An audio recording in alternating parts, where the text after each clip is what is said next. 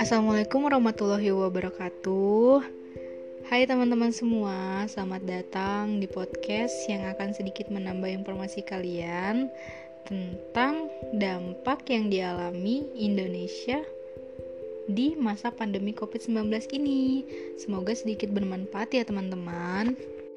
Nah, sebelum kita masuk di topik podcast ini, saya akan sedikit memperkenalkan diri. Perkenalkan, nama saya Adinda Melani Kurniawan. Saya adalah salah satu mahasiswa dari jurusan Manajemen Bisnis Syariah tahun 2020 di Fakultas Ekonomi dan Bisnis di Universitas Negeri Universitas Islam Negeri dan Intan Lampung. Nah, Dampak wabah virus corona atau COVID-19 tidak hanya merugikan sisi kesehatan loh teman-teman. Virus yang bermula dari kota Wuhan, Tiongkok ini bahkan turut mempengaruhi perekonomian di negara seluruh dunia, tak terkecuali Indonesia. Ekonomi global dipastikan melambat menyusul penetapan dari WHO yang menyebutkan wabah corona sebagai pandemi yang dapat mempengaruhi dunia usaha. Wah, wah, wah. Dan di Indonesia juga pemerintah mencoba melakukan berbagai upaya untuk menekan dampak virus corona terhadap, terhadap industri. Beberapa stimulus ekonomi diluncurkan. Bahkan Presiden Joko Widodo meminta seluruh pihak untuk melakukan social distancing.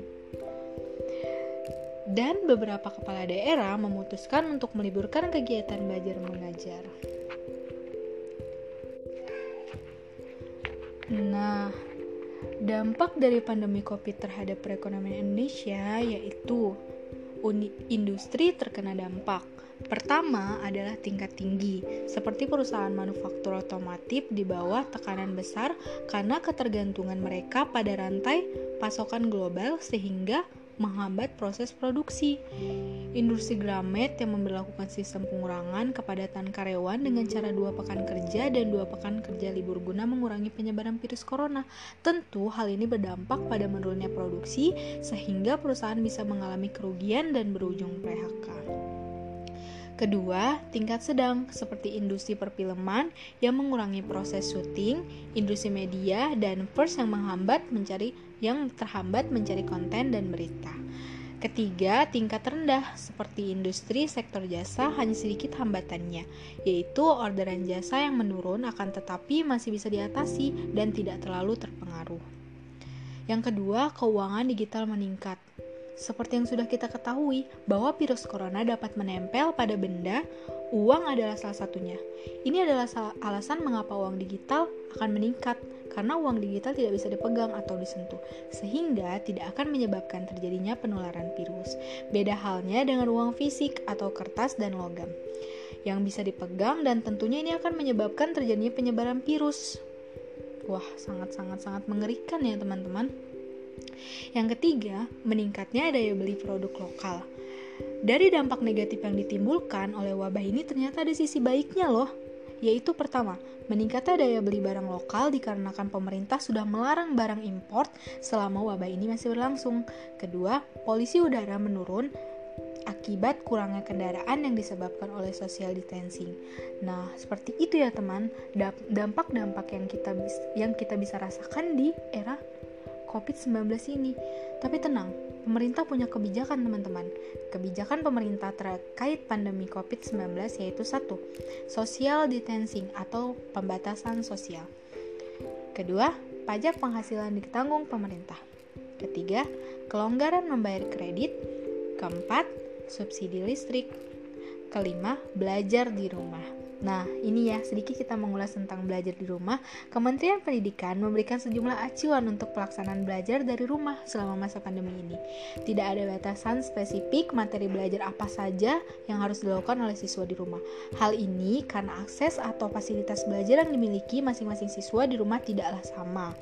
Nah, untuk menunjang proses kegiatan belajar dari rumah, sudah melakukan kerjasama dengan beberapa provider telekomunikasi seperti Indosat, Telkomsel, dan Excel untuk memberikan kuota edukasi untuk mengakses aplikasi ataupun website belajar.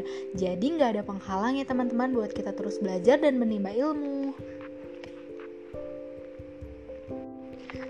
Baiklah, saya akan masuk ke hasil wawancara saya kepada kakak saya sendiri. Nah, saya mewawancarai kakak saya sendiri yang bernama Ade Kurniawan. Ia membuka usaha musik entertainment, yaitu musik untuk memeriahkan suatu pernikahan atau acara lainnya.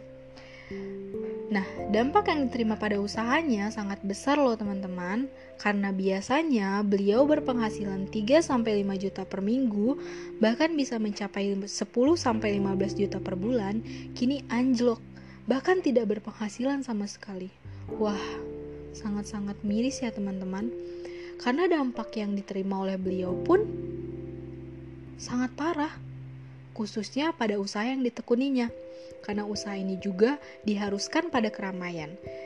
Jadi, bisa kita ketahui bahwa mengadakan acara pun tidak sangat dianjurkan pada masa pandemi ini karena akan memicu meluasnya virus COVID ini. Nah, dari sini kita bisa lihat dari segi mana pun ekonomi di Indonesia ini sangat menurun, teman-teman. Bahkan permintaan pun jadi menurun.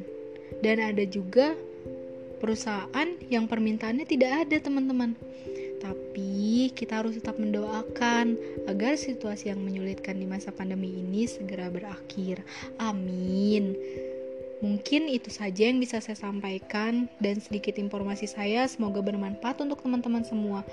Dan sebelumnya saya meminta maaf jika ada kata-kata atau perkataan saya yang salah dalam pengucapan. Saya mohon maaf dan saya ucapkan terima kasih dan Assalamualaikum warahmatullahi wabarakatuh.